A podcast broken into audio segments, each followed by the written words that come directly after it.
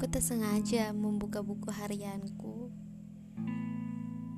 Di sana tertulis namamu. Aku ingat kapan aku menulis itu.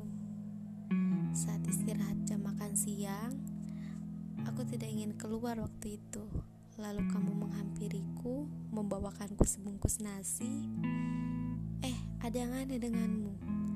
Entah sejak kapan, kamu selalu membawa gitar di punggungmu. Entahlah gitar siapa itu. Yang pasti waktu itu kamu duduk di sebelahku, memandang lekat ke arahku. Ah, aku malu. Bahkan menyuap saja rasanya aku tidak mampu.